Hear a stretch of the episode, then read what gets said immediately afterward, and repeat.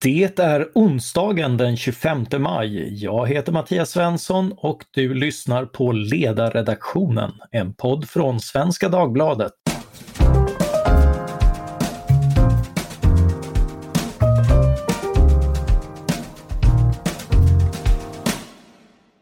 Dagens ämne är inflationen. Ja, dyrtid är det. I helgen åt jag mitt livs dyraste kebabtallrik för 110 kronor.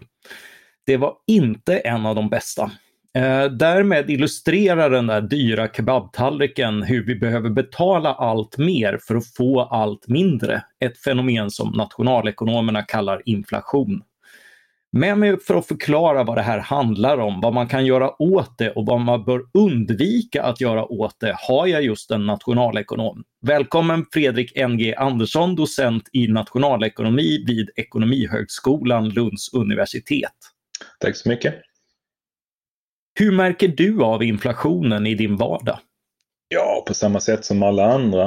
Eh, inte minst livsmedelspriser stiger väldigt fort för tillfället. Här nere i södra Sverige märker vi också av elpriserna som slår nya rekord nästan varje månad. Så vi märker av att vi, vi blir fattigare. Ja, vad innebär det för människors ekonomi att inflationen är hög? Ja, det innebär just att vi blir fattigare. Våra löner räcker inte till lika mycket som tidigare. Det vi har sparat eh, kan vi heller inte köpa lika mycket för som tidigare. Så det är en fattigdom ord. Och hur kommer det sig att priserna stiger nu och hur pass varaktigt kan vi förvänta oss att det blir? Det där är en mycket bra fråga. Ehm, för att svara på den frågan så tror jag vi måste förstå att det finns två typer av inflation här. Den ena typen av inflation är det vi kallar för relativ prisförändringar. Det betyder att eh, produktionskostnaden av någonting har gått upp. Vi kan se det på energi till exempel.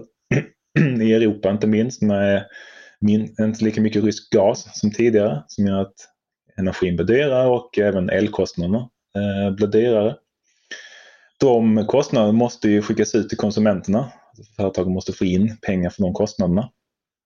Eh, men det gör att vi får lägga mer på elen till exempel och mindre på någonting annat. Eh, och med tiden så tar det ut varandra. Så vi lägger mer på el och mindre på någonting annat och då sjunker priset på någonting annat. Så över tiden ska den här inflationen då försvinna.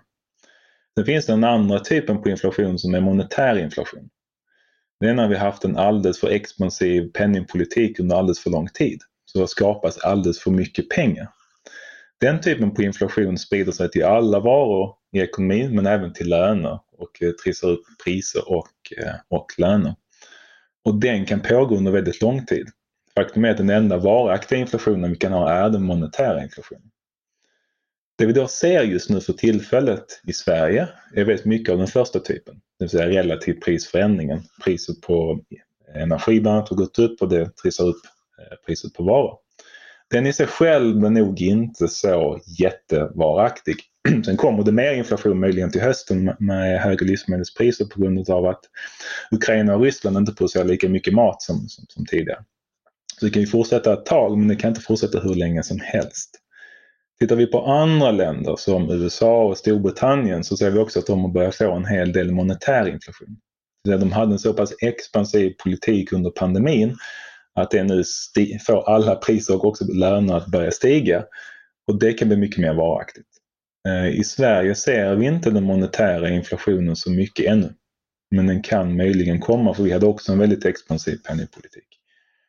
Så det är lite för tidigt att säga exakt vad som kommer att hända men, men bara det här höga elpriser, det kommer att försvinna efter ett tag, den effekten. Men eh, den monetära inflationen kan bli ett problem. Och hur långt är ett tag? Är det månader, år? Ja, vi ska nog inte förvänta oss att det kommer att minska det här året. Eh, och som sagt också att om, om Ukraina nu inte kan producera lika mycket mat som, som, som normalt så blir det ju brist på kanske vete till hösten och då stiger priser på det också. Och då fortsätter den här relativprisinflationen in i 2023. Eh, Sen ligger det också att hyror till exempel eh, korrigerar man en gång om året. Och det finns ju många fastighetsägare som har fått högre kostnader på grund av högre elpriser och det kommer behöva korrigeras till nyår nästa år. Så fortsätter inflationen in i 2023. Eh. Ja, blir det inte en massa påföljande höjningar? För när, när det blir dyrare med eh, med insatsvaror så blir det ju dyrare att producera väldigt mycket och, eh, och då kommer ju de priserna också öka. Så blir, blir det inte snarare så att, att priserna ökar och ökar på väldigt mycket snarare än att de minskar på andra Jo, alltså allting som har väldigt mycket el i produktionen eller väldigt mycket av någonting annat som också stiger i pris, där måste ju priserna stiga. Så är det ju. Eh, men ska vi kunna ha råd att betala det så, så kommer vi behöva lägga mindre pengar på någonting annat och då blir det relativt sett lite mindre eh, prisutgång på det. Eh, så sett över längre tid så kommer det att jämna ut sig lite och inflationstakten kommer börja falla tillbaka.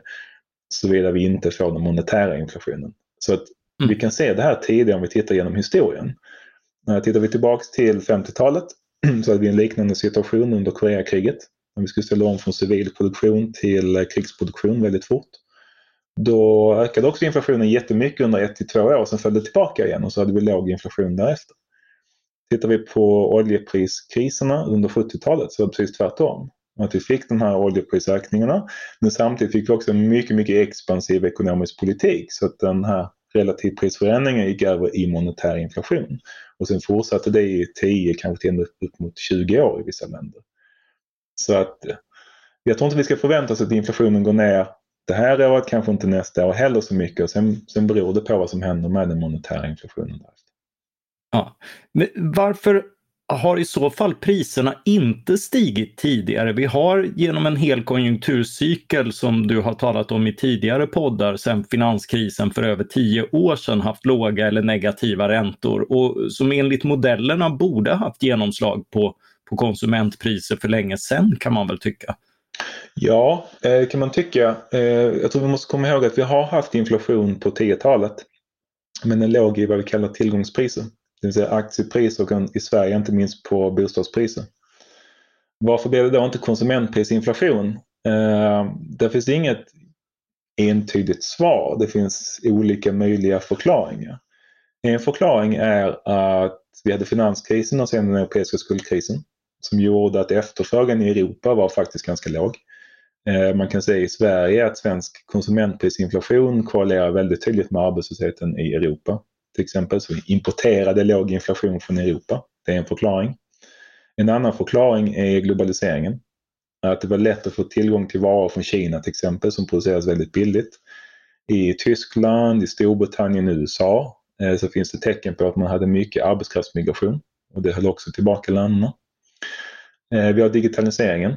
Att allt mer av det vi köper är digitalt. Eh, att kunna expandera den digitala produktionen, så här ett nytt Spotify-abonnemang eller ett nytt Netflix-abonnemang är väldigt lätt och väldigt billigt. Mycket billigare än att producera en ny bil, vilket gör att det går att öka efterfrågan utan att det blir inflation. Och sen en sista förklaring som jag tror är väldigt viktig är att den penningpolitik vi hade, den var väldigt mycket att man agerade mot finansmarknaderna alltså man köpte tillgångar på finansmarknaderna. Och det, det drev upp eh, tillgångspriserna, alltså fastighetspriser och aktiepriser. Men det föll inte över på den reala ekonomin. Det att pengarna hamnar på finansmarknaden men kommer inte därifrån. Och gjorde då att, att konsumentprisinflationen inte blev så hög. Så att som sagt, vi vet inte exakt vad det beror på men det, fin det finns många möjliga förklaringar. Men sen ska man komma ihåg, det tycker jag är väldigt viktigt, för tittar man på historien igen mm. så kan vi se att vi har kan ha 10, 15, 20-åriga perioder då vi har ett visst typ av utvecklingsmönster. Sen bara ändras den mer eller mindre över en natt. Så bara för att det har varit på ett sätt under 10-15 år så betyder det inte att det behöver fortsätta på det sättet. Utan nu kan det vara så att vi går in i någonting helt nytt och kanske får högre inflation än vi haft tidigare. Ja, den nya ekonomin som kring millennieskiftet. Eh, Ny ekonomi kanske inte man ska kalla det för, för det är ett mönster som kommer tillbaka, att det förändras. Det är en föränderlig ekonomi. Ja, eh, jag, jag har ju ännu en, eh, en tes som jag vill testa på dig som kan saker. Jag och många med mig har ju misstänkt att priserna ändå stigit också under den här perioden på 10-talet, konsumentpriserna alltså. Eh, ännu ett vardagsexempel. När jag flyttade 2009 kostade en kycklingklubba på mitt nya lokala ICA 9,90. Eh, och det kröp sedan under åren upp till 19,90 före årsskiftet här. 100% på 12 år. Det är rätt saftigt på årsbasis.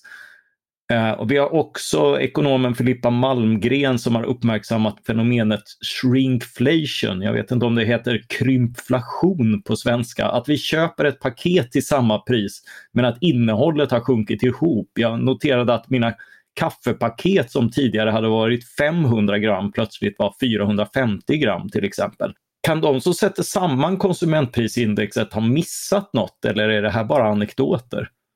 Jag skulle säga att det här är anekdoter. Eh, att kycklingklubbor blir dyrare eh, betyder inte att vi har allmän inflation. Alltså inflation är en allmän uppgång i, i eh, genomsnittspriserna. Så det som har hänt är att priset på kanske kyckling har gått upp men så har det gått ner på någonting annat, elektronik inte minst. Det här med shrinkflation, det är ingenting som påverkar konsumentprisindex. Därför det, det, det som ingår i konsumentprisindex är inte ett paket kaffe utan en viss mängd kaffe räknat i gram eller i kilo. Eh, så det tar man hänsyn till. Man tar också hänsyn till eh, kvalitetsförbättringar eller kvalitetsförsämringar i varor över tiden. Så man försöker jämföra en liknande vara över tiden, vilket är oerhört svårt. Och också problematiskt därför att man tar elektronik till exempel. Så skulle konsumentprisindex säga att priset på elektronik har fallit jättemycket de sista 20 åren. Men tittar man på priset på en dator idag och jämför med priset på en dator för 20 år sedan så är det mer eller mindre samma pris i kronor och ören. Det som har hänt är att datorn vi köper idag är så ofantligt mycket bättre jämfört med datorn för 20 år sedan. Och då måste man ju kunna göra, en korrigering här då måste man ju veta hur mycket bättre är datorn idag jämfört med för 20 år sedan. Och det är oerhört svårt att veta. Eh, och det är, det är introducerat fel i konsumentprisindex. Så det kom en, en utredning, en rapport för, jag tror från Riksbanken eller Statistiska centralbyrån för någon månad sedan som sa att i svenska KPI så har det varit så att vi har kanske tyckt att våra datorer blivit lite mycket mer bättre jämfört med andra länder. Så vår, ja. vår inflationstakt kanske har blivit lite lägre, eller ser ut att ha varit lägre än den kanske faktiskt har varit.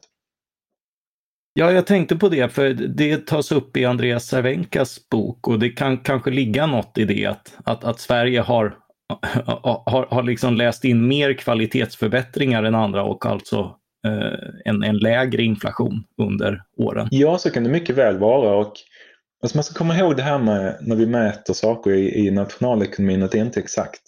Överhuvudtaget inte exakt. Det är jättestora fel i, i, i mätningarna.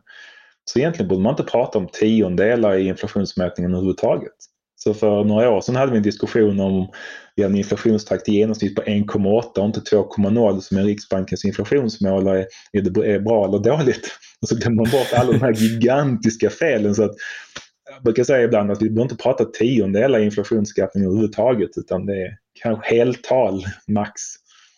Ja, ja, det sägs väl att eh, man märker att makroekonomer har humor genom att de använder decimaler. ja, precis. Jag kanske ska nämna att priset på den där kycklingklubban i vår har hickat upp till 24,90. Du får köpa någonting annat. Ja, det är det jag gör. Eh, är inflation bara dåligt? Det blir ju lättare att betala tillbaka lån och många sitter med stora lån för närvarande. Jag tänker 40-talistgenerationen hade ju, hade ju den förmånen lite grann med, eh, med inflationen som, som åt upp mycket av, av deras huslån. Alltså, nu får vi gå tillbaka till det här med skillnaden på relativprisförändringar och monetär inflation. Alltså relativprisförändringar betyder inte att lönerna behöver stiga. Och stiger inte lönerna så blir det ju inte lättare att betala tillbaka sina lån. Däremot om vi får den monetära inflationen så att alla priser stiger och alla löner stiger och räntorna då inte hänger med, då kan det bli så. Men det är ju inte det vi ser i Sverige för tillfället. Det kan komma, vi ser tecken på det i USA och i Storbritannien, eh, men inte inte i Sverige än så länge. Sen ska man också komma ihåg att det finns ju alltid två sidor här.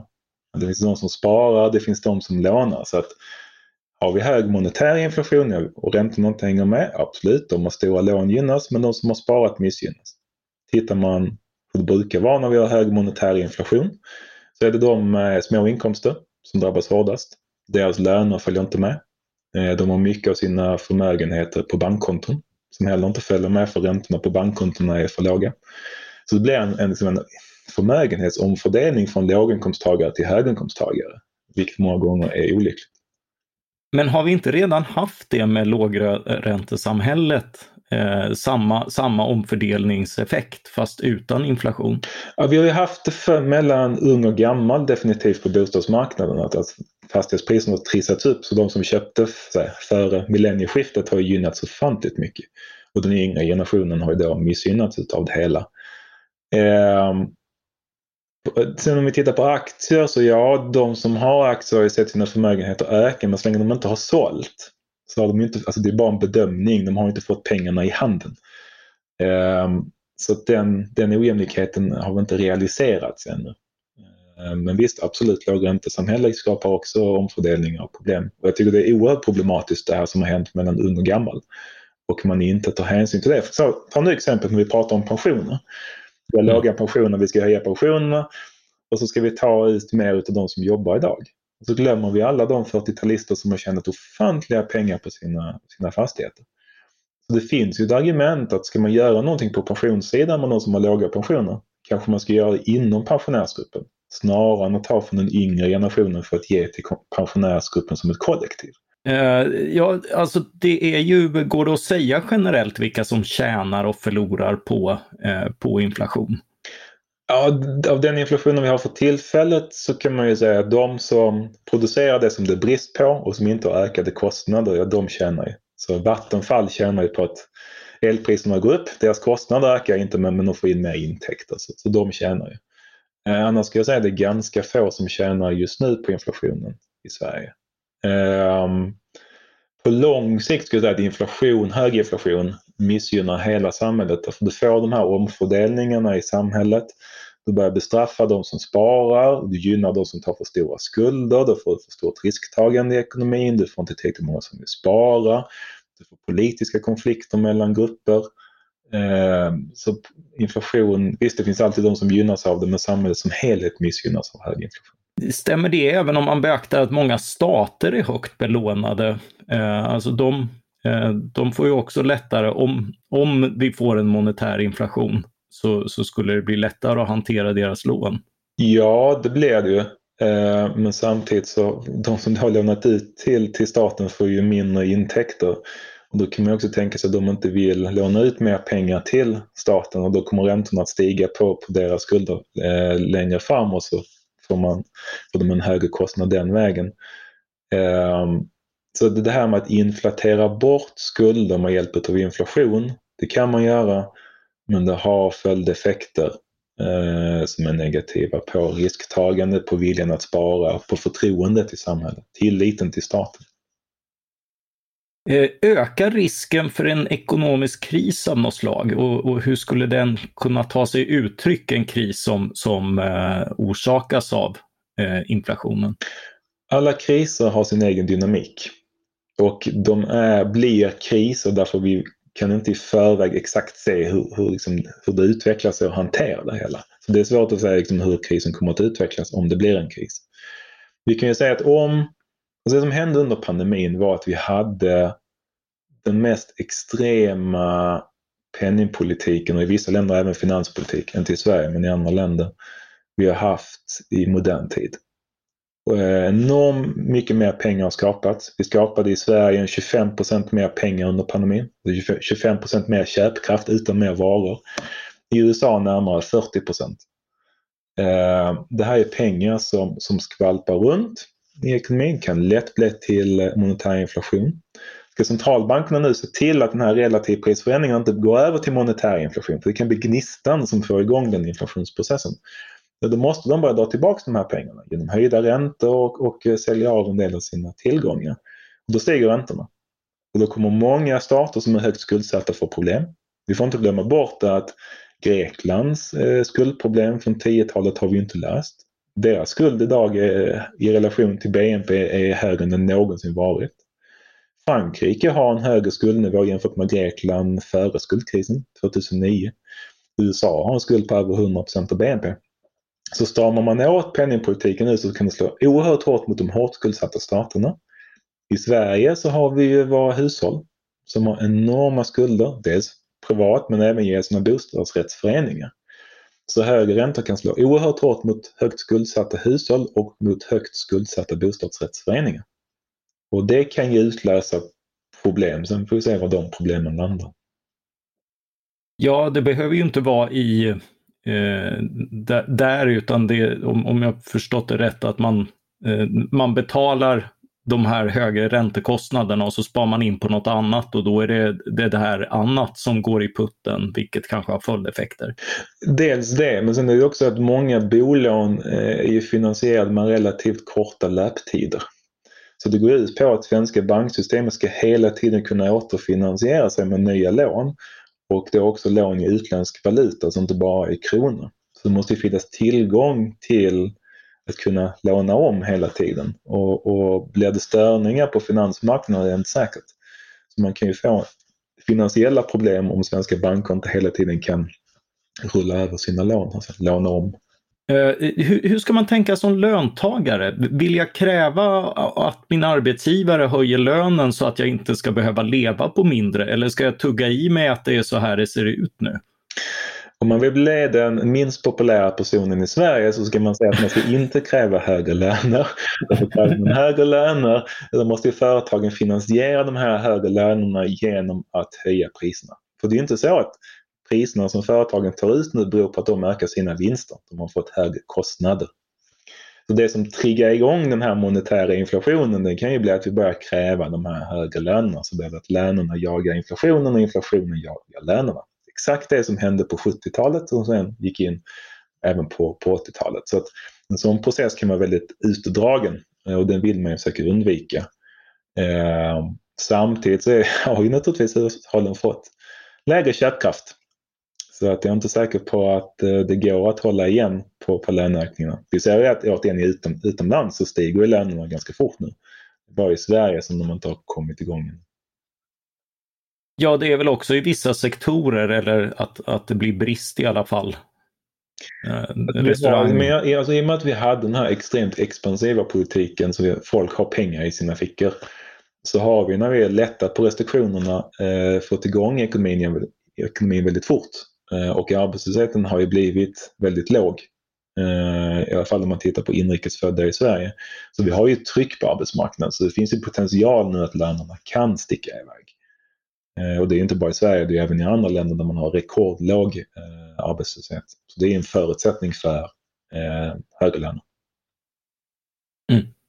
Eh, en fråga som kommit upp är kring offentlig upphandling. Det är ofta långa kontrakt och det har ju inte varit något problem under åren med låg inflation. Men nu sitter många leverantörer till det offentliga fast i kontrakt som inte är anpassade till snabbt stigande kostnader.